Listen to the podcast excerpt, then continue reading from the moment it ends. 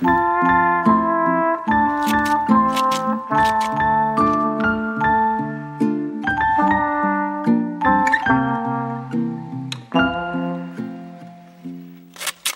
Tanja. Hei, Mari, og velkommen til episode 61 av Sømmelig podkast. I dag skal vi prate om tråd. Ja, men før vi begynner å snakke om tråd, så må vi nesten eh, fortelle om livepodden som vi skal ha snart, om ca. en uke. Ja, fredag 7. mai. Eh, klokkesledd to be announced, fordi vi har lyst til å høre med dere hva som passer best. Men altså, da blir det eh, god, sømmelig spørretime, egentlig. Så da kan dere tenke ut spørsmål som dere gjerne kan eh, sende til oss på mail, eller så skal vi lage Det blir vel en sånn mulighet for å skrive inn spørsmål ved påmelding, kanskje? Kanskje. Vi kan se hvordan vi løser det. Enten ved påmelding, eller send det til oss i forkant eh, på mail eller på Instagram. Og så tenker jeg jo at det, det koseligste med sånn live er jo at man kan liksom hive ut spørsmål eh, på direkten, og så eh, svarer vi på direkten. Helt Så får vi eh, Ja, ikke sant? Så får vi litt sånn god slabberasstemning. Jeg gleder meg. Ja. Det blir hyggelig. All info kommer altså da eh, der vi eksisterer, enten på Patron eller på Instagram. Og eh, hvis dere går dere vill og ikke finner ut og har så lyst til å være med, så bare send oss en mail, så skal vi geleide dere i riktig retning. ja. Og da er det på den åpne Patrion-siden, så man må ikke betale for å se den informasjonen. Yes, der blir alle, alt forklart til punkt og prikke. ja. Så det gleder vi oss veldig til. Det blir jo som en liten eh, digital syfest. Ja, det er koselig. Det er koselig. OK, du, Skal vi ta Skal vi kjøre i gang? tråden? Med, ja, skal vi ta opp tråden? Den var fin, du. ja, ja, ja. La oss ta opp tråden. Tråd. Du, hadde, du følte at du ikke hadde så mye på hjertet om tråd, men det er jeg helt sikker på at du har. Så vi kan jo egentlig bare begynne med at eh, for det første så finnes det jo ganske mange ulike typer tråd der ute. Mange flere enn de vi har skrevet opp her, men nå har vi fokusert på først og fremst eh, tråder som man kan bruke i symaskina, og noen til håndsøm, men broderi og sånn går vi ikke inn på nå, for det er en egen verden. Ja, og så tenker jeg òg litt sånn der en effekttråd, sånn metallic tråd, og de der som har sånn ulike fargesjatteringer. Det eh, egentlig ser jeg på som også litt sånn broderitråd, eller sånn Ja. ja, spesialtråd, da. Så alle som eh, er veldig interessert i det, dere får, eh, dere får eh, sende oss forespørsel om å ha egne episoder på det. Spesialtråd. episode. Spesialtrådepisoden. OK, men hvordan tråd vil du å sy med sånn, hvis du skal sy et plagg? Hva tar du, Mari? Ja. Altså, jeg skulle jo nå på en måte ønske at jeg kunne si bomull eller silke, fordi det er mest eh, Altså, det er jo nedbrytbart og mer miljøvennlig sånn sett. Men så er det jo da den polyestertråden, den såkalte alle stoffers tråd. Den er jo eh, solid og fins i omtrent alle farger. Eh, og er jo det mest vanlige valget for de fleste. Det er også det jeg bruker mest. Ja. Samme her. Og litt, jeg tenker jo litt sånn at for det første, når jeg syr til kunder, så må jo jeg stå for den kvaliteten, og at de sømmene holder lenge, lenge, lenge. Så da, da er det ikke noe annet valg, egentlig. Fordi vi kommer jo litt videre inn på det. De andre typene er ikke like holdbare som den polyestertråden. Mm, så jeg gjør det samme. Ja. Helt og holdent. Men ja, du sa det jo, det finnes jo også bomullsstrå. Em, og den vet Eller jeg har hørt Nå kommer sikkert noen til å smekke meg på fingrene for hvis det her er feil, men jeg har hørt at kviltere bruker bomullsstrå når de kvilter. Det stemmer. Ja. Ja.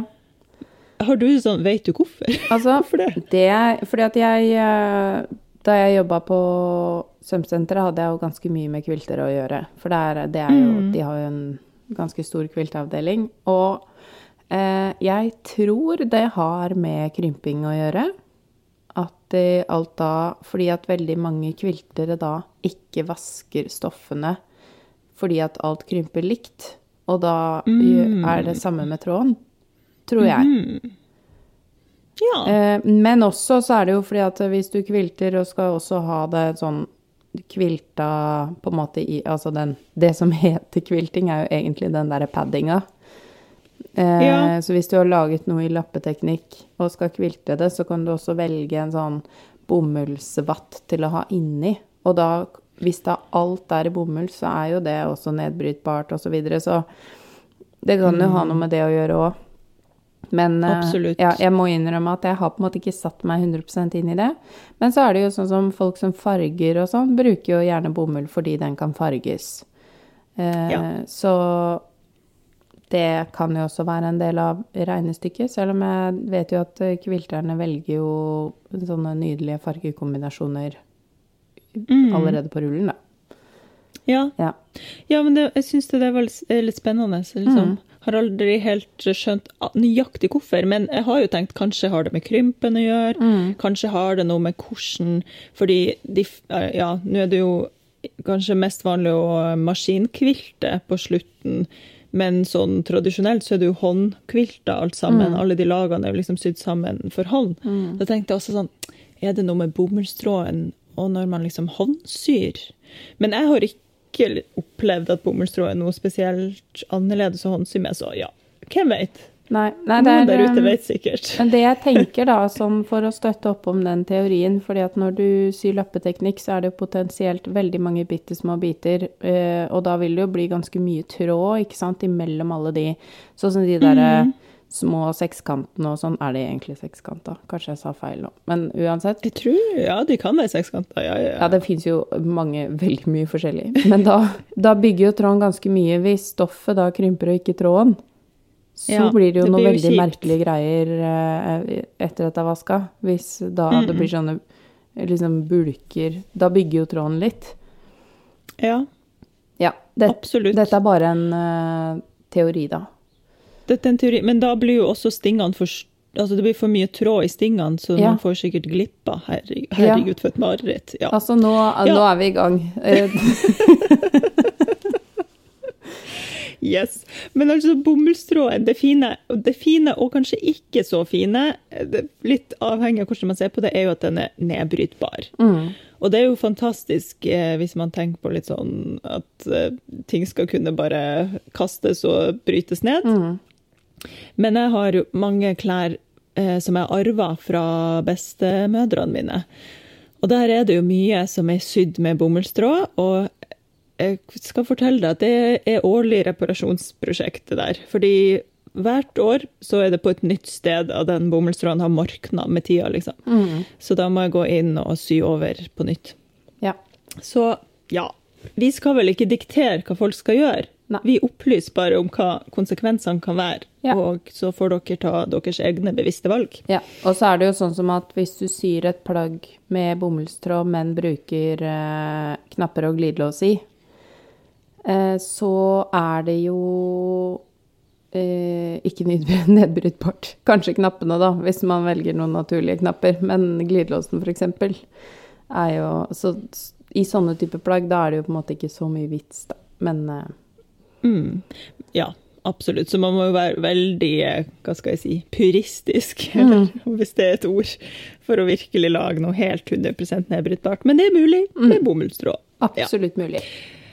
Nå kom jeg på en til, liten ting i forhold til bomull, at der kan man jo få masse ulike finisher. Man kan jo få sånn merserisert bomullstråd som nesten ser ut som silke eh, når man broderer eller ja, vil ha noe sånn prydsømme og sånt.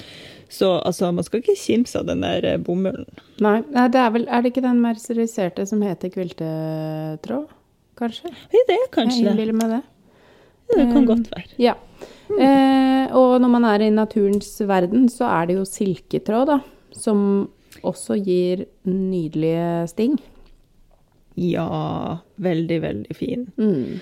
Eh, og så har jeg også hørt at silketråd er den beste å tråklemerke ting med hvis man eh, tråklemerker noe, noe, veldig dyre stoffer og ikke vil ha noe merker. Ja. Fordi den er veldig glatt. Altså overflata mm. til silketråden er mye glattere enn andre typer tråder. Ja. Så den kommer ikke til å sette igjen for mye hull og merker og sånn. Mm, godt poeng. Mm. Den er jo også da veldig sterk og solid, men den er jo også dyr, da, siden det er silke. Uh, og ja. fargeutvalget er vel litt mer begrensa også på den silketråden, sammenligna med f.eks. polyester, da. Absolutt. Og det er jo egentlig litt rart, for silke er jo helt fantastisk å farge. Mm. Men det er vel fordi den er såpass dyr at det ikke er noe vits å lage ja. veldig, veldig mye av den. Mm. Men hvis man f.eks. vil sy et Eh, et slitesterkt plagg som man planlegger å farge, så kan det jo være fint med silke. Man må bare være obs på at eh, det er forskjellig. Hvis man syr et bomullsplagg, så vil jo uansett silken ta opp fargen annerledes enn bomullen, fordi fiberne er forskjellige. Men mm. ja, men det kan jo fungere. Absolutely. Mm. Ja, det var silka. Så fins det jo også lintråd der ute. Ja. Eh, jeg har med hånden på hjertet aldri sydd med lintråd. Jeg har testa lintråd når jeg har um, slått nupirella. Mm. Men, lint, eh, men, den lintråden var også kanskje litt gammel. Men jeg opplevde at den ikke var så fullt så sterk. Nei, det var akkurat det, det, jeg tenkte også. Det jeg ryker ja. litt fort. Men det ja. kan hende var Morken, da, den vi har brukt. det er jo det, ja, for den kom jo fra sånt gammelt, gammelt uh, syskrin. Mm. Og apropos, når vi først sier det her nå, så er jo alle sånne tråd i naturfiber, det er litt ferskvare. Så selv om det er sykt sjarmerende med de fine spolene man finner i de gamle syskrinene, så den sytråden bruker jeg ikke til noe som jeg tenker skal holde, for å si det sånn. Nei, det kan jeg kanskje bruke til et sånt broderi bare fordi det er en hyggelig tanke å bruke det opp. Ellers er de jo mm. veldig pene bare til pynt, da, faktisk. Selv ja. om det høres litt fjollete ut. Ja, men jeg tenkte det er der de gjør best nytte for ja. seg også, faktisk. Ja. Mm. ja. ja. men lintråd Um, igjen driver jeg og spekulerer her nå, for jeg kan ikke noe om det. Men jeg mener jo at i bunadssøm så blir lintråd brukt. Fordi det er sånn tradisjons... Ja. ja. Mm, ja. Eh, og da har jeg også eh, fått for meg at folk som driver og syr mye sånn vikingklær og sånne historisk korrekte klær, de bruker garantert også lintråd, for jeg tipper at det var veldig poppis back mm. in the day. Tipper vi får respons på det her, for jeg vet vi har noen lyttere som uh, driver med det. Så det, ja. det, kan vi sikkert Enten avkrefter vi det i neste episode, eller, så, ja. eller så stemmer det. Ja. Gi oss gjerne tilbakemelding på om uh, vi driver med feil, informasjon her. Ja. Mm. Det var lintråd. Lite erfaring med det sjøl, merker jeg. Mm. OK, det var jo liksom fibrene. Og nå ble jeg litt sånn her Fins det ulltråd? Eh, det fins jo garn, liksom, men eh, jeg har aldri vært bortpå sytråd som er laga ull, for det er vel altfor um, Hva skal man si? Skjørt. Ja. ja. det var vi enige om. Skjørt. eh, nei, da er det vel stoppegarn som er kanskje det nærmeste, da. Ja. Det kan jo der... også komme på sånne små sneller. Ja, ikke sant. Sånn veldig, veldig fint stoppegarn. Mm. Mm. Er det 100 ull? Herregud, nå skal Vet du hva? Glem det. Vi går videre. Da går vi videre. For det finnes jo, I tillegg til ulike typer fiber i tråden, så er det jo også ulike bruk, kan man si da. Eller ulike typer tråd, rett og slett. Ja. Uavhengig av hva slags fiber det er mm. laga av. Tjukkelser og spinnevarianter osv. Og så videre. Yes. Mm. Og den eh, kanskje eh, Nei, mest populære, det vet jeg ingenting om. Den jeg liker best, kan jeg kanskje selv si, er knapphullstrå. Og da er jo egentlig den eh, Jeg foretrekker jo knapphullssilke, faktisk. Ja. Mm. Den har jo en sånn helt nydelig, sånn helt egen følelse, den tråden. Litt sånn Jeg kaller det feit. Jeg vet ikke Og ja. det er sånn rar ting som ikke alle skjønner, men den har en sånn ja, men, følelse ja. i hånda som er liksom åh, den har en sånn deilig litt sånn feit, en sånn nesten sånn fukt over seg. Den er liksom ikke sånn tørr og ekkel som sånn syntetisk tråd. Skjønner du hva jeg mm. mener? Jeg skjønner akkurat hva du mener. Den er litt sånn, ja, nesten litt sånn oljete. Ikke Ja. oljete, men litt sånn, ja, litt sånn mm, saftig. ja. Det her, Ja. Vi koser oss med den tråden. Veldig. Og jeg, har jo testa litt mye frem og tilbake med knapphullstrå og prøvd å sy håndsydde knapphull både med polyester og med silke. Og det er, liksom, det er ingenting som slår den silka. For det er et eller annet med hvordan de knapphullsknutene liksom former seg i silke som er helt annerledes enn i polyester. Jeg klarer ikke å beskrive det, men, men jeg kjenner det, og jeg ser det. Og jeg blir eh, glad når jeg ser eh, knapphullsilke-knapphull. Jeg tenker at det man kan sammenligne med, da, hvis man ser på et syntetisk stoff og et uh, naturfiberstoff, kanskje spesielt silke og ull, da, uh, hvis man tar damp over det, så skjer det ikke så veldig mye sånn med karakteren til stoffet i syntetisk. Men eh, det med levende fiber, da, hvis man kan kalle det det, når man tar damp på, så på en måte jenker de seg litt til. Det skjer et eller annet med dem. Og litt sånn syns jeg det er å jobbe med eh, spesielt silketråd. At det er akkurat som at den fyller ut hullene. De som strikker, kan sikkert også på en måte kjenne seg inn i den her følelsen at eh, du har sydd noe, og så, så er det akkurat som at den jenker seg til sjøl, fordi den har en eller annen sånn eh, fylde som ikke syntetisk tråd kan ha, da, fordi at det er, ikke er Mm. Ja. ja, det var egentlig et godt bilde på det. Den liksom Ja, den fortsetter å fungere etter man har sydd, liksom. Det stinget. Ja. ja.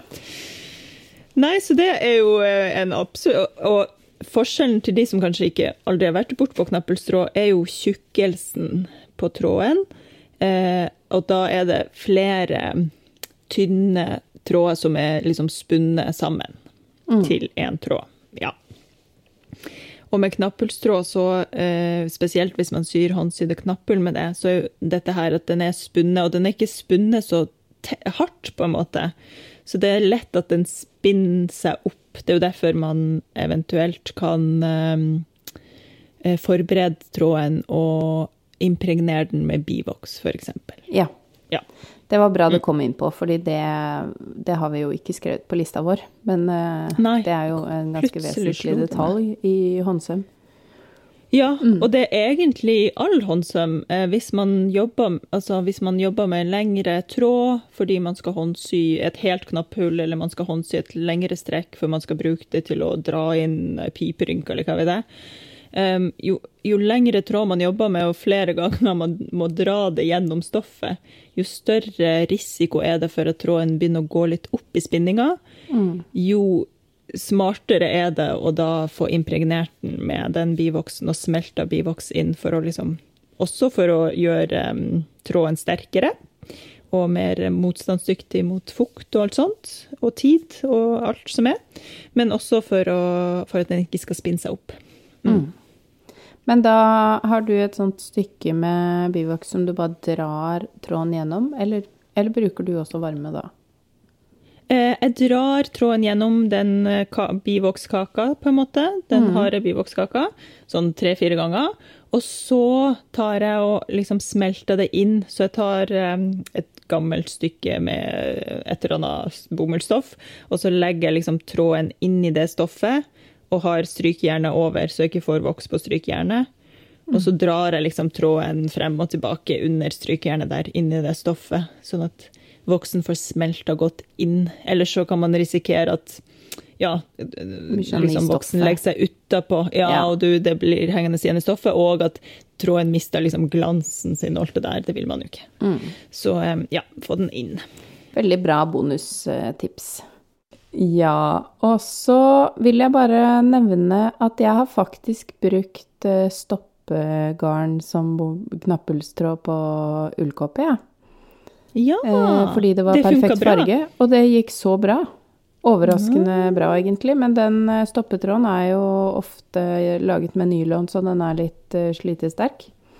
Mm. Så mm, jeg syns det har fungert eh, kjempegodt, og jeg har faktisk også brukt eh, tynt, tynt broderigarn til Ja. det. I sånn bomulls... Det, er det perle, perlegarn det kalles? Det som er liksom ekstra pent spunnet. Det er det jeg foretrekker Ja. til det. Ja, det er nok det. Det er det jeg også bruker til Nuperella, som er litt sånn glattere. Ja. Mm. Så det kan man jo bruke. Absolutt. OK, før vi forsvinner fra knapphullstrå og knapphullsverden, så bare, liksom bare nevne det litt uh, kort. At det eksisterer jo også noe som heter GIMP på engelsk. Mm. Nøyaktig hva det er på norsk, er litt usikker. Og jeg tror også at GIMP blir brukt til ulike ting i, i, innenfor sømverdenen på engelsk også. Fordi altså, i utgangspunktet så er det jo en type snor som har en litt stiv kjerne. Enten av Ja, før i tida var det kanskje hestehår, eller vet ikke. Nå til dags bruker man vel kanskje noe sånn tynn ståltråd eller noe plast, liksom nylontråd. Um, men poenget til gimpen Og så er det da et tvinne-tråd utapå den, rundt og rundt og rundt. Mm. Um, så det blir ja, som en slags sånn mini-agraman, kan man jo også egentlig si. For det er jo en slags sånn pyntesnor. Men i knapphullens verden så blir du da brukt inni knapphullet for å få det til å både til å stå litt mer ut av stoffet, til å være enda mer holdbart, og til å stive det litt av. Men så har jeg også sett at noen sier liksom gimp til den der Du vet når man lager sånne åh, steike at jeg ikke husker hva det heter. Men at man lager sånn ornamentsøm, nærmest, og så bruker man en ja. liten sånn snor eller så tråd som man liksom syr ned. Ja. ja. Det kaller tydeligvis også noen for gimp. Ja. Men, uh, ja. Men kan det være fall, uh, litt sånn à la bjørnetråd, nesten? Altså en sånn tjukk Ja, kan, det kan kanskje det. Nå, Men nå vet jeg ikke om den har metallkjerne, fordi at bjørnetråd har aldri vært en veldig stor del av min uh, syverden. Men jeg bare husker at folk snakka om bjørnetråd da jeg jobba på svømmesenteret. Ja, og jeg har liksom hørt folk eh, si bjørnetråd om eh, liksom litt, bare litt tjukkere tråd. Ja. Ikke nødvendigvis en som er forsterka inni. Nei. Ja, vet du hva? Who knows? Kanskje det, kanskje uh, det kalles bjørnetråd på norsk. Jeg syns jo gimp er et veldig fint ord, så vi kan jo godt bare bruke det. Ja, jeg pleier bare å si gimp, søtt. for det er ikke Ja. Mm. Yes. Så da, da har vi i hvert fall nevnt det også, til de som har lurt og tenkt og kanskje har hørt det, men ikke helt vet hva det er. Gimp er altså denne her slags forsterkningstråden, eller eh, ja Kantetråden. Det kan jo vel også bli brukt som kanting, kanskje. Mm. Jeg ser for meg sånne nydelige sånn metallbroderier sånn fra typisk sånn 30-tallet, og altså de kjolene som liksom, har den tyngden. Ja. Eh, at det, man kan ha brukt det i de der snirklete broderiene som er opp, gjerne oppå silkestoffet og på jakker og kjoler. Mm, ja, det er en sånn veldig Ja. Ja det er akkurat sånn. Ja. Yes. Så gimp er altså ikke noe man putter inn i nåla og syr med, det er liksom noe man bruker til å enten legge inn i knapphullene eller til å sy ned som en, et ornament. Mm. Ja. Så er det jo tilbake på ting man kan putte inn i symaskina igjen. Ja. Eh, og da er det jo stikningstråd, eksempel. Eh, og det innbiller jeg meg at kan ha skapt eh, mye hodebry for folk opp igjennom. Eh, Helt sikkert. Det kan også kalles kordonettråd. Jeg innbiller meg at den bare er sånn et bitte, bitte, bitte liten eh, Bitte litt tjukkere. Men jeg tror ikke Det er lenge siden jeg har sett kordonettråd, så jeg vet ikke om den er noe særlig i butikk lenger. Uansett så er det jo viktig da at man har rett nål til denne stikningstråden. Mm. Eh, for Halleluja, sier jeg bare. ja, for det er jo en nydelig finish å ha hvis stikningen er pene, og det er, for den er jo da litt tjukkere enn vanlig tråd. Um, den er kanskje dobbelt så tjukk, eller? Kanskje nesten mer òg? Ja, jeg tror den er dobbelt så tjukk. Og noen ganger så er det jo liksom den polyester-knapphullstråden man får kjøpt på butikken. Mm. Den kan jo fungere vel så bra som knapphullstråd Ja. hvis man bruker stor nok, eller nål med stor nok nåløye, så den ikke eh, bremser inni der. Ja, at knapphullstråden kan brukes til stikningstråd. Det Ja. var det du mente. Ja. Ja. Ja. Mm. Eh, ja, det kan den jo. Så det er jo bare egentlig, hvis man vil ha en synlig tjukksøm, så må man bare være veldig obs på at eh, øyet på nåla må være stort nok til at det liksom er plass til tråden og litt luft inni der. For for Ja. ellers så får man en sånn kjip eh, søm, enten synlig på utsiden, men kanskje spesielt stygg undertråd, da. Det er vel veldig ofte det som skjer. Ja, den blir liksom igjen på undersida av stoffet. Mm. Den kommer ikke Ja, stråspenninga funka ikke så bra. Og hoppesting Eh. kan man få, for eksempel, og Mm. Ja. Absolutt. Og det der, vi sier jo at det er nåløyet som må være stort nok, så det er ikke nødvendigvis at dere må ha en større nål alltid.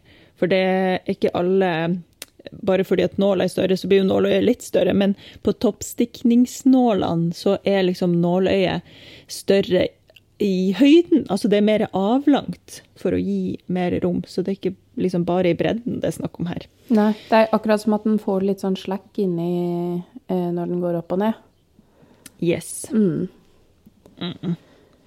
Ja, det var stikningstråd. Nydelig med toppstikninger, da. Ja. Jeg har jo eh, nylig sydd mange, mange toppstikninger, for vi har laga et sånt nytt digitalt kurs i skjørt, og da tenkte jeg OK, da lager jeg sånn jeans-type skjørt. Eh, og så, fordi at det skal være litt sånn effektivt, det her innspillingene våre, så syr jeg liksom litt på pål, og så syr jeg litt på Faff-maskina mi. Og så tenkte jeg ok, men det syr jeg toppstikningene på FAF-maskina. Eh, Det funka vel greit. Å, herregud, som jeg styra for å få riktig trådspenning og få de toppstikningene til å se fine ut. Var det da du satt med det rutearket? Nei, vet du hva, da hadde jeg bare lyst til å teste eh, Det var på Pål at jeg satt med det Ja, rutearket. ja, det var det jeg trodde. Ja, for jeg har sånn Plutselig finner jeg på at å, nå skal jeg sjekke stinglengda på Pål. For jeg kan jo kalibrere den stinglengdehjulet. Så hvis, hvis jeg har på stinglengde 3, og stingene ikke er 3 millimeter, så kan jeg liksom justere sånn at de blir det. Så, sånn sitter jeg Så det gjør du bare- selv? Ja. Ja. Jeg må lese den Ja. bruksanvisningen litt mer grundig til maskina mi, men det var det ikke tid til i bokkaoset. Men akkurat det der er veldig, veldig lett eh, hvis man har den der mekaniske hjulet man stiller tråd Nei, herregud, tråd, hører du? Stinglengda med. Ja. For da skrur, det er en sånn skrue midt i det hjulet, så bare skrur du den løs, og da ja. liksom beveger du hjulet uten at du stiller på stinglengda. Aha. Så det du egentlig må gjøre, er å finne Jeg pleier å ha sånn ruteark, og så finner jeg 2,5. Stinglengde 2,5, for det er jo helt perfekt på de rutene. Ja. Og så set, skrur jeg løs hjulet, og så setter jeg det sånn at det er på 2,5. Det, Dette det er er en podkast for synerder av synerder. absolutt Ja, ja men det er veldig bra. Jeg liker Ja. det. Kult. OK. Um, litt tilbake til tråd. Ja. Skal vi over på overlock-tråden, da? Det var ikke meninga å si over to ganger. Det Hørtes Jeg sånn skal ut. over på overlock-tråden. ja, der er det jo igjen et hav av muligheter. Mm. Og eh, tenk at eh, veldig mange hjemmesyere bruker jo sikkert de der store spolene med det jeg vil si er vanlig sytråd, som overlokktråd. Mm. Um, og det har jeg gått litt bort ifra. Jeg gjorde det òg før i tida, og jeg gjør det noen ganger nå òg, litt avhengig av liksom hvor tjukt stoffet og sånn. Men jeg har gått over til en mye, mye tynnere overlocktråd i polyester, som nesten ikke viser Altså sånn, den blir så tynn, den bygger ingenting, for jeg har ikke lyst til at de uh, sømrommene skal gjøre noe ut av seg, ikke sant. Mm. Så da bruker jeg tynnest mulig tråd på de eh, em, løkkene. Skjønner alle Ja. hva jeg mener da? Altså de løkketrådene på Det tror jeg alle skjønner. De lange, Mm. liksom. De man ser best inni. Ja. Ja. Mens eh, nåltråden, altså rettsømmen, hvis jeg skal sy ting sammen, der har jeg vanlig sytråd. da. Mm. Men fortell mer om den eh, tynne tråden du bruker. Det er altså en Gutemann-tråd, og vi er ikke kjøpt og betalt her, jeg bare liker den veldig godt. Um, og den heter vel Mara 180. Nå kan det hende at jeg lyver, ikke ta meg på ordet, men det er i hvert fall en, Den er altså supertynn. Mm. Ehm, og litt sånn litt glattere enn vanlig sytråd. ja, jeg bare foretrekker den så hinsides over vanlig sånn tjukk sytråd som overlokktråd. Det har jeg kjent på selv mens jeg har sittet med alle plaggene til boka, at uh, jeg egentlig bør bytte så jeg har en tynnere type på overlokken. Uh, nå fikk jo du av alle mennesker uh, den På den buksa di så skjedde det et eller annet med overlokken. Å oh, nei, jeg har ikke sett inni der. Nei, det er veldig bra du ikke har sett inni, fordi okay. det var bare sånn Å nei skal Tanja ha den her med det trådkaoset på innsiden. Men jeg hadde ikke tid til å ta det opp heller. Nei. Ja. Det er helt greit, tenker jeg. Nå vet du det. Nå vet jeg det. Nå kan jeg se inn i og, Men da, le litt. da fikk jeg kjenne på det at jeg, jeg, ville vil også over på den tynnere tråden. Så da skal jeg sjekke ut den mm, Mara 180. Og vi skal selvfølgelig dele hvilken Vi kan kanskje legge ut bilde av den. Ja, det kan vi godt. Mm. Skal vi legge med det i husk? At mm. uh, vi må huske på å dele den. Ja. Mm. Yes. Eh, ja, overlokktråd. Der er det jo mange som har veldig sterke meninger om farger og sånn. Mm. Det er det jo. Jeg vil ja. jo helst ha matchende farger til stoffet, så eh, jeg har veldig ofte fire spoler av den fargen, og da bruker jeg jo den sytrådtypen, da for å få riktig farge. Men eh, hvis mm. man har eh, Egentlig gjelder jo det uansett hvilken type man har, at man kan jo spole det over på underspoler. Sånn at man har Hvis man har to store, da, f.eks., og så kan man spole over på, på noen underspoler til de nåltrådene, f.eks., for eksempel, fordi at de uh, spiser jo ikke så mye tråd som ja. de, de um, løkkene. Nettopp. Det er et veldig godt tips. Og også hvis man begynner å liksom rotere litt på hvor man har eh, spolene. Mm. For det går mye mer av de to um, trådene som er til løkkene, som er lengst til høyre vanligvis på blokkmaskin. Mm. Og så går det jo mye mindre av de nåltrådene, så man kan jo ha en sånn liten rullering innimellom, så man bruker opp tråden jevnere. Ja, det er jeg enig i. Mm.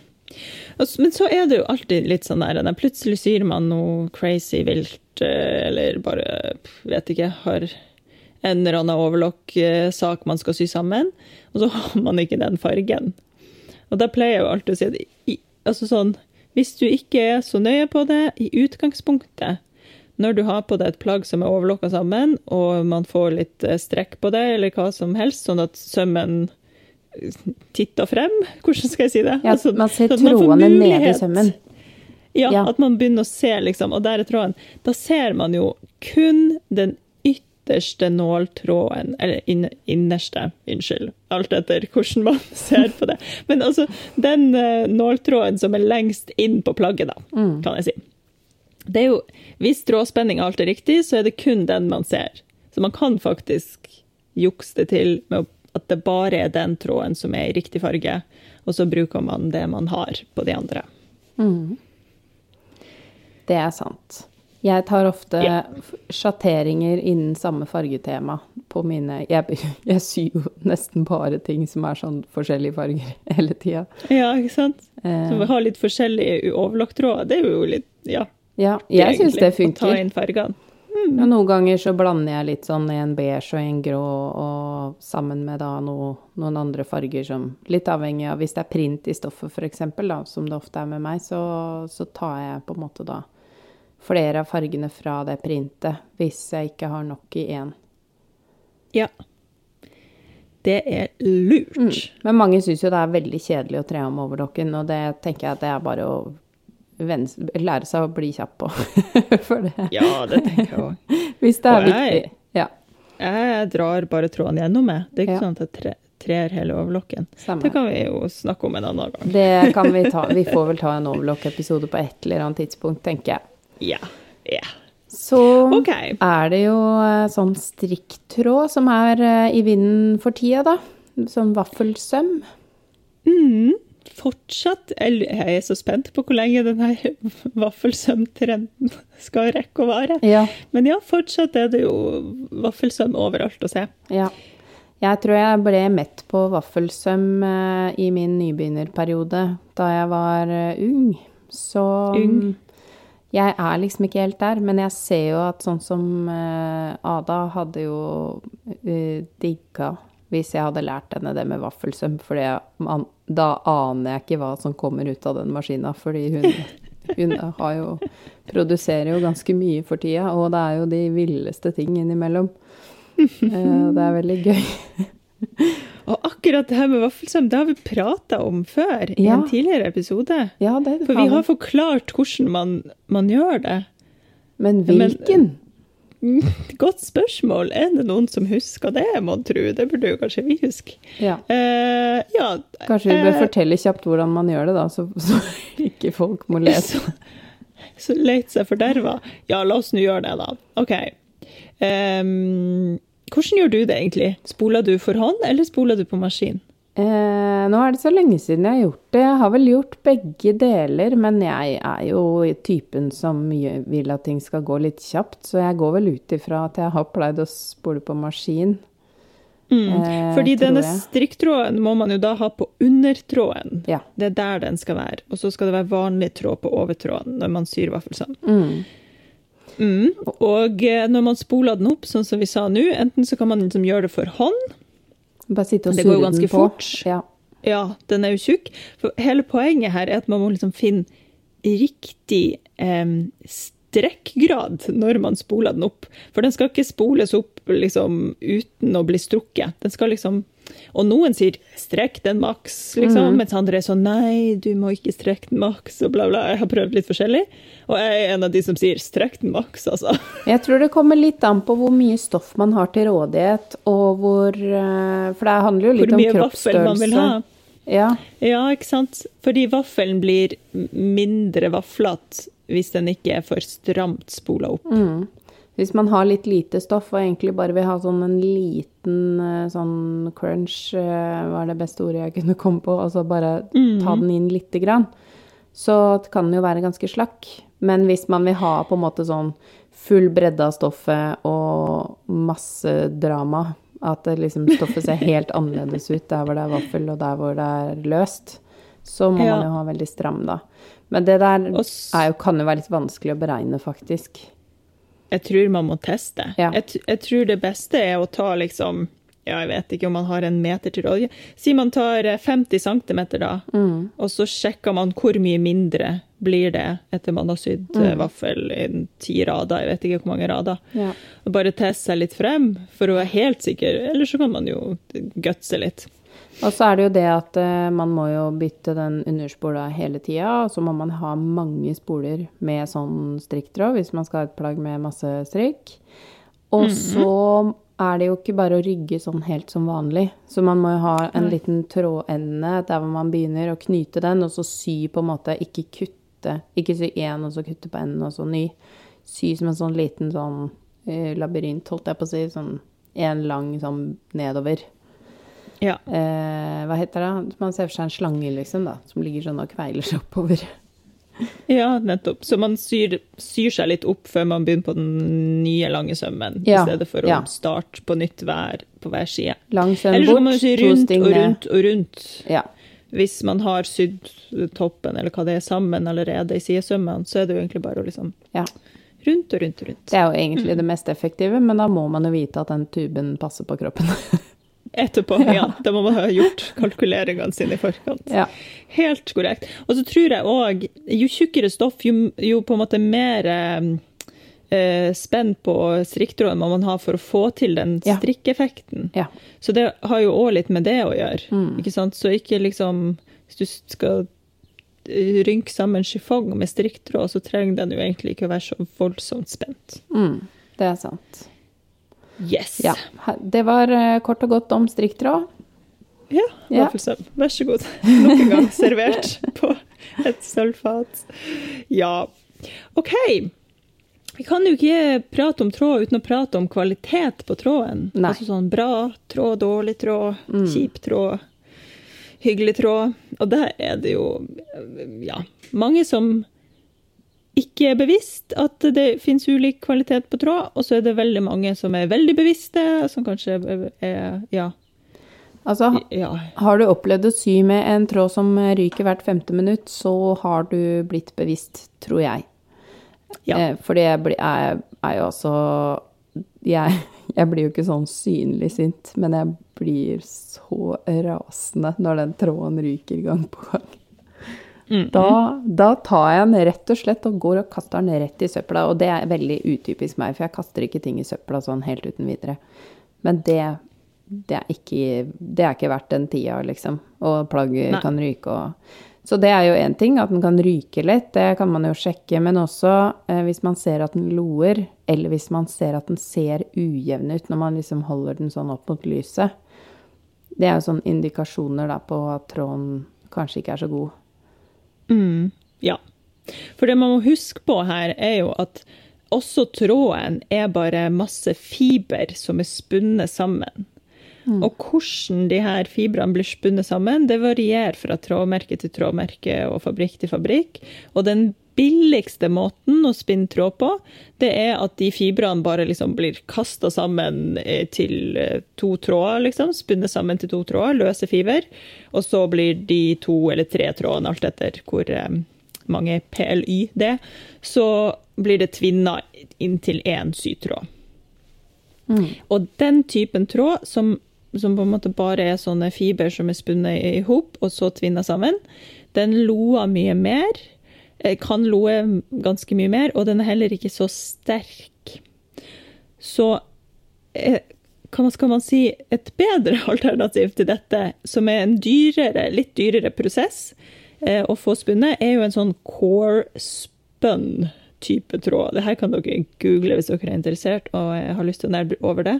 Men der er det da altså um, uavbrutte lengder med um, fiber inni hver sånne lille tråd, trådlengde som så blir spinna sammen til en tråd. Så de her fibrene, i stedet for å bare bli kasta sammen til tråden, så er det noe som går i kjernen, og så blir fibrene festa til den kjernen.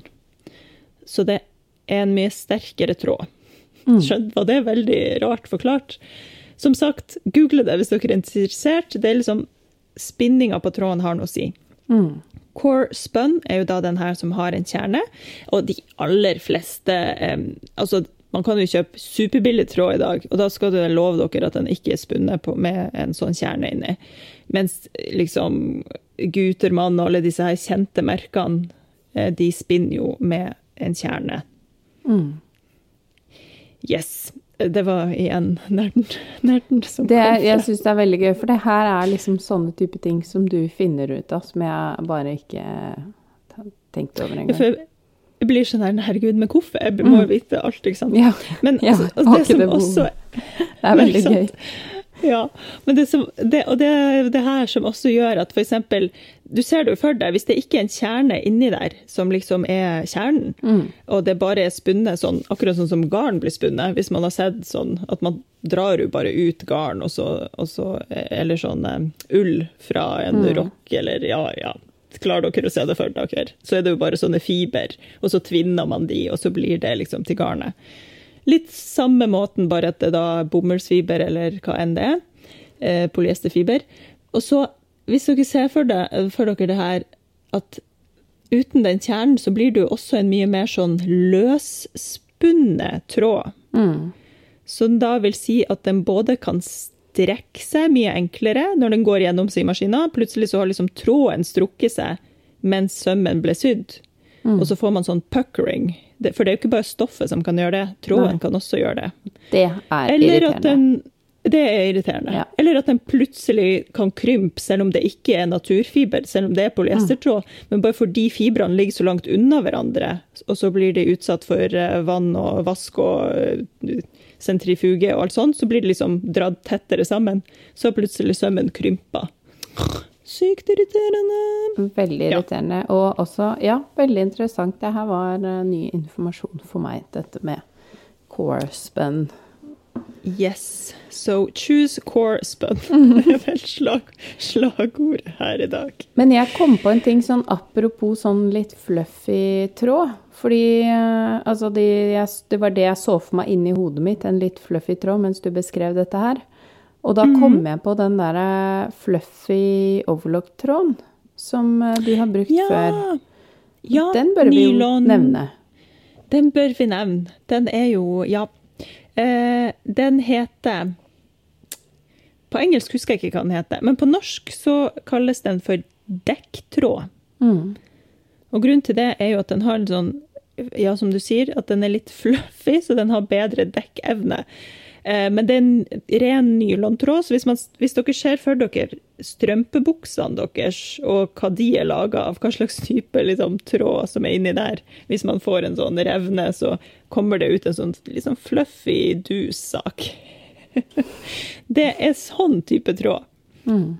Um, som da er helt genial å bruke i f.eks. Um, rullefall på overlockmaskiner, eller andre Altså, den, den er også litt ekstra elastisk, så den passer perfekt til badetøy og sånne type ting. Så det er, ja, det er en slags spesialtråd, eh, men som er spesielt hyggelig å bruke i eh, rullefall, fordi da dekker den liksom der skal jo eh, tråden dekke hele fallen, ikke sant? Hele Mm. det opplegget. Og fordi den er litt sånn pusete, så liksom sprer den seg ut og dekker alt, så man ikke ser noen eh, f- Som stoff, utstikkere. stoffiber som Ja. begynner å stikke ut. Ja. Mm. ja. Det er bra. Det var godt kommet på, den hadde jeg helt glemt. Ja. Eh, og fordi da, da veksler du mellom eh, denne her eh, Mara 180, har allerede glemt. Ja, det var det det het, ja. Ja, Ikke Mara, dårlig. 100, eh, ja, Bare måtte mumle litt. Ta det med klipp, klype salt. Jeg skal bort på sømrommet og sjekke nøyaktig og ta bilde og sånn. Ja. Eh, for da veksler du egentlig mellom de to etter behov, da. Eller har du gått helt Ja. over til den andre? Jeg har gått helt over til den andre. Den der en eh, fluffy nylon, den bruker jeg kun veldig Og den er også veldig vanskelig å få tak i, Ja. så den bruker jeg veldig sjeldent, egentlig. Mm. Men um, apropos sånn spesialtråd, nå har jeg også sett at eh, altså både Gutemann og Metler har kommet med tråder som faktisk er mynter på stretch, altså som er ela litt elastisk. Ja. Sånn at man kan sy stretch med rett søm, og allikevel ikke få liksom skjøre sømmer som går opp. Mm. Det har jeg enda ikke testa, men det er jo verdt et forsøk. Nei, jeg, jeg har bare sett at det har kommet, men jeg har heller ikke rukket å teste det. Eh, Mm. Jeg har også sett at det er resirkulert polyestertråd, men jeg har ikke sett det i butikk. Um, Nei. Så det er jo også sånn apropos bærekraft. Um, Yes. Men Unnskyld, en liten pause som må tas bort, fordi jeg glemte hva jeg skulle si. Jeg hadde Jeg, var, jeg skulle plukke opp en tråd. Du skulle pille Ja, opp en tråd. ble sagt. Jeg, har også, jeg hadde også en eller annen tråd som forsvant, men det kan Ja. jo Ja. same, same. Ja, og så et lite sånn triks som jeg har sett at mange bruker, men som det gjelder ikke de trådsnellene jeg har her hjemme. Men det er altså noen trådsneller som har et lite hemmelig rom inni til å ha nåler i. Eh, og jeg vet i hvert fall at det er noen av de store Gutemann-spolene som har det. Eh, for øvrig fant ikke jeg det inni de jeg hadde her, men Hmm. og jeg fant det heller ikke inni de jeg hadde fra Metler, så da er det kanskje Guttemann som har det. Men i hvert fall så er det morsomt. Det kan man sjekke, da, om det går an å dra den ene enden på eh, trådsnella og putte den oh, ja! Visste du om det? Nei, det her er helt nytt for meg. Så du liksom du, En av sidene kan tas av, og Mhm. så åpenbarer det seg et hulrom inni. Ja. Dette var interessant. Og- det skal undersøkes. Det var noe, et, en uh, greie jeg hørte om for mange år siden. Eh, da ikke Det var en utenlandsk podkast, da. Jeg husker ikke akkurat Ja. Og jeg har lett og lett og lett og lett. Og jeg har aldri fått en sånn snelle, men jeg har sett at andre folk i Norge har fått det. Så det kan bare hende at det er der jeg kjøper tråder, at ikke de har den typen. Eh, Men det er gøy å sjekke, og jeg tror at det er de litt store. Jeg vet ikke om det gjelder de små, men eh, ja. Liten fun Ja. Fun! Nå skal jeg begynne å titte om ikke på snellene mine. Artig. det er jo gøy. Og apropos, vi, jo, vi kan jo eh, kanskje avrunde hele med å snakke litt om oppbevaring av tråd og sånn. Mm. For der er det jo et hav av muligheter der ute. Eh, og jeg tror liksom å ha litt orden i de trådene er lurt. Fordi å ha bare en sånn, en sånn skuff der alle trådene bare blir kasta, og så gidder man ikke å fikse endene til snella, og så blir det bare et reir til slutt. Det er jo det kjipeste. Det gjør jo liksom terskelen for å gidde å finne riktig tråd veldig mye høyere enn den trenger å være. Man kan liksom bare ha kjempelyst til å sy, og så åpner man den skuffen og øh, skal begynne å finne fram, så bare åh, nei, gidder ikke å ta riktig tråd fordi den er innerst inni det reiret. Eh, og så kanskje man dropper å sy, eller kanskje man syr med feil tråd, og så blir det litt sånn derre øh, Litt sånn mm. dårlig opplevelse. Ja, så å ha orden, det er vel kanskje Det, det har vi jo sagt før. Det er jo kanskje det beste investeringer man gjør inn i sylivet sitt. Ja. Så jeg har jo jeg vet ikke, Du har jo et sånn fint tråd, trådoppbevaringssystem. Ja, det blir jeg spurt ganske ofte om, så jeg kan jo kanskje si hva det er først som sist. Eh, og det er faktisk en knaggerekke fra Elfa. Er, Elfa er jo et sånt garderobesystem, men dette her var en sånn som man kan skru rett på veggen, da. Bare sånn hvit, hvitmalt eh, metall. Eh, med sånne pinner ut. Men eh, man kan jo bruke hvilken som helst knagg så lenge det er, det er, tynt nok til å putte på de. Men akkurat den funker da. Jeg vet ikke om den er i produksjon lenger, men eh, de har jeg i hvert fall vært veldig fornøyd med.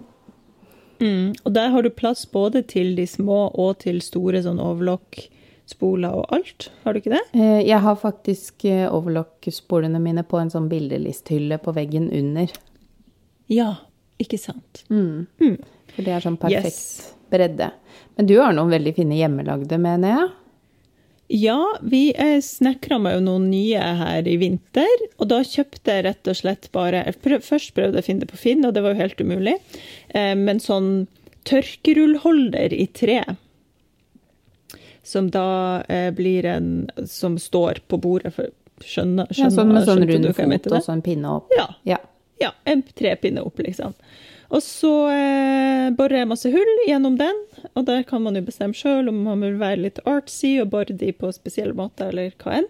Og så stakk jeg Jeg tror jeg bare brukte noen sånn grillspydpinner, men man kan jo få kjøpt litt mer sånn eh, litt tjukkere pinner eh, i hobbybutikken. Og så liksom bore hull som var akkurat store nok, og stakk de igjennom.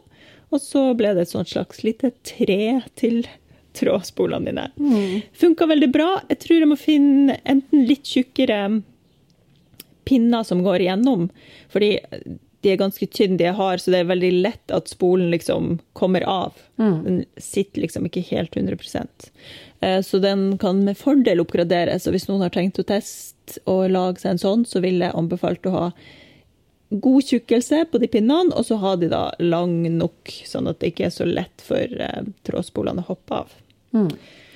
Og så var det noen som sa sånn Å, gud, fantastisk, da kan jeg egentlig lage de så lang at jeg både har plass til undertrådspolen og trådspolen i samme farge på én pinne. Mm. Det er jo nydelig. Ja. Og som en liten videre, hvis man ikke vil ha det sånn løst og portabelt da, som et lite tre, så kan man jo også ha eh, på en måte en eh, planke som man eh, borer hull i. Som man kan sette inn på veggen. Mm. Altså ikke en, ja. ikke en brei planke, men mer som en sånn list, da. Man kan skru inn i veggen og så ha, ha sånne små hyller. Det er jo så mange fine hvis man søker på det. Og det fins jo hjemme fine ferdiglagde på nettet også. Um, men uh, den lokale sybutikken her på Eidsvoll har faktisk uh, sånn, noen sånne kjempesøte små Ser ut som sånn etasjekake, på en måte, med sånne Eh, pigger til eh, trådsneller. Som litt ja. samme greia som det du har laget selv, da. Bare i, og så tror jeg mm. til og mm. med man kan snurre på etasjene. Ja. Så de, de også er uh, veldig fine. Men hvis man ikke vil at de skal bli støvete, så kan man jo også kjøpe en sånn der trådsnelleboks. Det er faktisk det jeg bruker til underspolene mine. Til, eller jeg, mm. industrimaskin under, underspolene har jeg i en sånn boks. Og så har jeg en sånn reiseboks når jeg skal holde kurs her og der og ha med maskiner og sånn. så bruker jeg den, den tomme boksen min til eh, reisespoler. Ja. Mm. Det er godt. Godt Ja. å ha litt orden. Jeg har òg en sånn boks til underspolene på, på um, industrimaskiner, og der er jo spolene av metall, så der har jeg også en sånn liten magnetlist em, på arbeidslampa mi rett over symaskina der jeg kan Hvis jeg liksom jobber med flere ulike farger og trenger å ha de lett tilgjengelig til å kunne bytte undertråd kjapt, så har jeg det liksom på den magnetlista. Ja. Det er også en mulig oppbevaringsidé for Ja. noen der ute. ja, sånn magneter, det er sånn jeg putter Jeg har magneter her og der som jeg legger fra meg ting på, jeg også. Ja. Det er veldig greit. Herlig. OK. Um, Har vi noe mer på hjertet om oppbevaring? Et siste tips som jeg har sett at folk gjør, det er da at man kan, hvis man vil ha eh, underspola sammen med den aktuelle spola, så kan man bruke en sånn lusehårspenne og putte gjennom underspola, og så putte den gjennom den eh, hovedspola, for å liksom feste den sammen inni det hullet. Ja. Eh, Jo, da er det en sånn hårspenne som er litt sånn vid, eller? Nei, en sånn der, helt med en sånn liten bøy opp på enden, fordi da holder den seg fast inni der. Ah. Eh, Sånne, jeg kaller det lusespenner. Jeg Ja. nå ble jeg Ja, litt men mine er så små, Ja. så jeg klarte ikke helt å se det. Nei, det er de små Men- som jeg, det har jeg sett at folk gjør. Men jeg har ikke prøvd det, Ja, så det er så ikke sikkert det fungerer. Kjempetips. Må prøves. Mm, må prøves. Ja.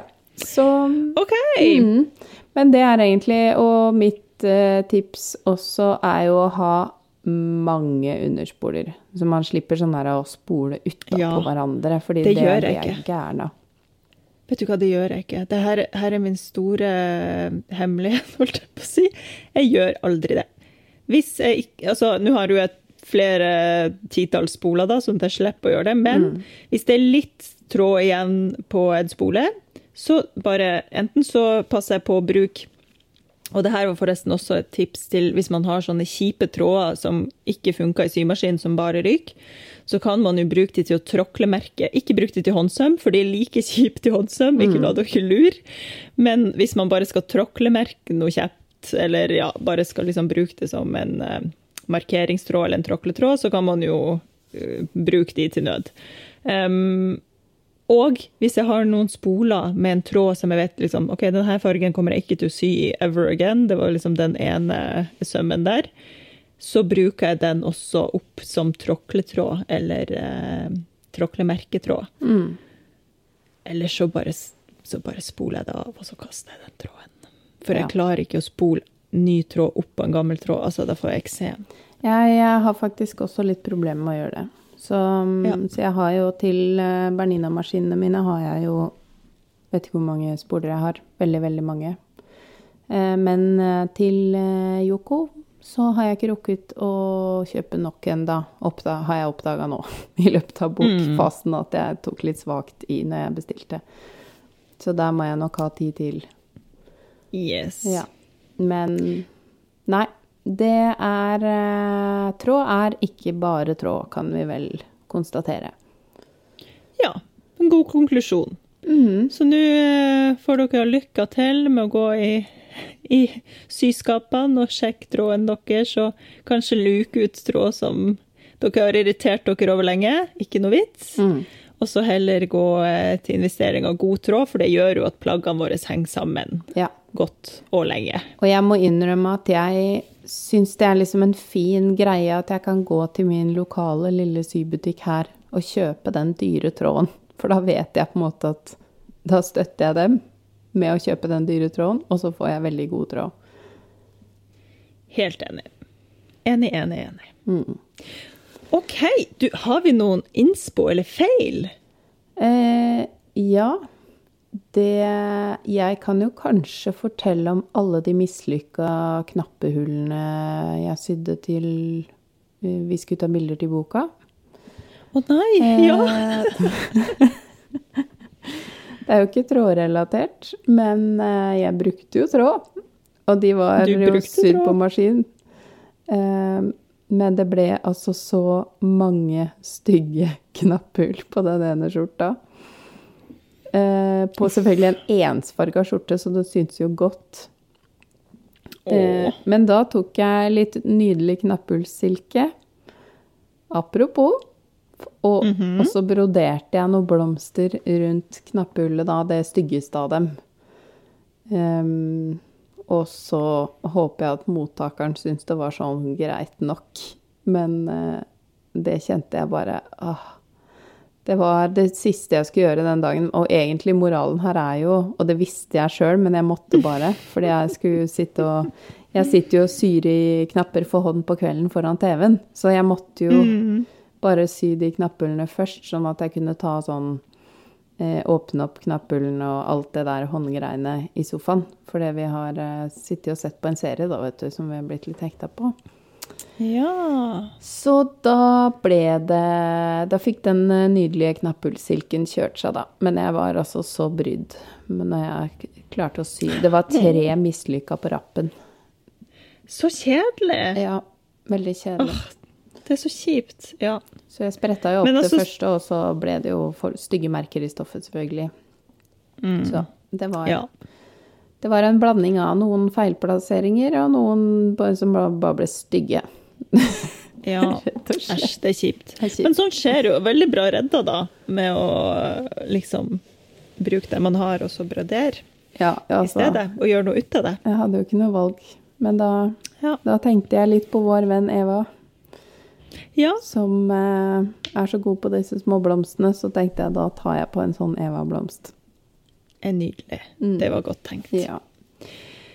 Ja, altså, jeg vet Nå ramler vi jo inn på knapphull, men det er jo også tråd involvert i det her. Ja. Jeg kan, kan dele en liten innspo, eller noe jeg ble litt sånn plutselig klar over her, og som jeg ble så glad for at jeg ble klar over. Du vet sånne jeansknapper. De har jo en veldig tjukk sokkel, altså sånn den foten eller halsen eller alt, Ja. kan man kalle det. Ja. Og det innså jeg egentlig ikke før nylig at det irriterer meg. Hvis man syr et vanlig knapphull og har en sånn knapp inni, så liksom Den spjæler jo knapphullet. Ja, Ja. Så stoffet liksom bare blir sånn mm, og står ut på hver side av den knappen. Og jeg bare kjente at det her, det orker jeg ikke. Så da Og dette ble veldig bevisst når jeg skulle sy et um, skjørt til det der kurset vi laga nå. For der skal jeg ha sånne jeansknapper, og så tenkte jeg jeg vil ikke ha sånne trange knapphull som det her, denne sokkelen ikke får plass i.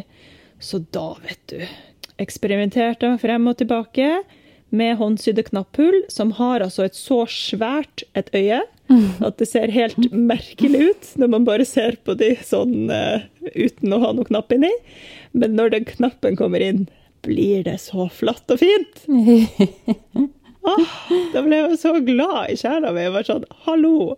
Halleluja! Selvfølgelig, håndsøm er tingen. Håndsy alle knapphullene. Ja. ja, så det var min eh, Da ble jeg i hvert fall inspirert. Og kanskje noen andre blir inspirert, hvis noen også irriterer seg over det der. Det er håp. Ja. Man kan håndsy de knapphullene sjøl. Jeg har jeg irritert meg over det med alle de skjortene jeg sydde til boka. Men så tenkte jeg dette er en bok. Det er helt greit. Ja. Jeg, ja, det var jo en så enorm mengde plagg. Det tallet kan jeg si senere når jeg faktisk har telt hvor mange plagg det var. Ja.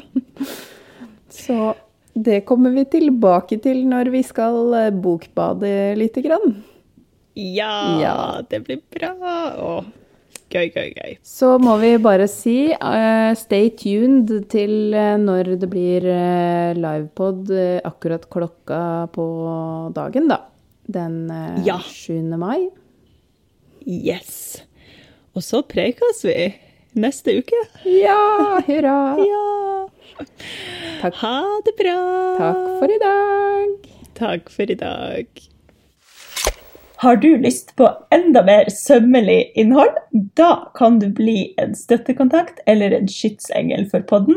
Da går du inn på www.patrion.com slash sommerlig. Der får du masse mer tips og triks, og kan også støtte podden, så vi kan fortsette å produsere den. Har du noe ris eller ros, eller har lyst til å følge oss på sosiale medier, så finner du oss på Instagram. Der heter vi sommeli-podkast med k. Og du kan gjerne sende oss en mail på sommeli.podkast med k at gmail.com. Og så vil vi si tusen takk til Andreas Prestmo i Wildhagen Studios, som eh, klipper og får oss til å høres fine ut. Og tusen takk til Synnøve Obrid, som lager den fine musikken vår.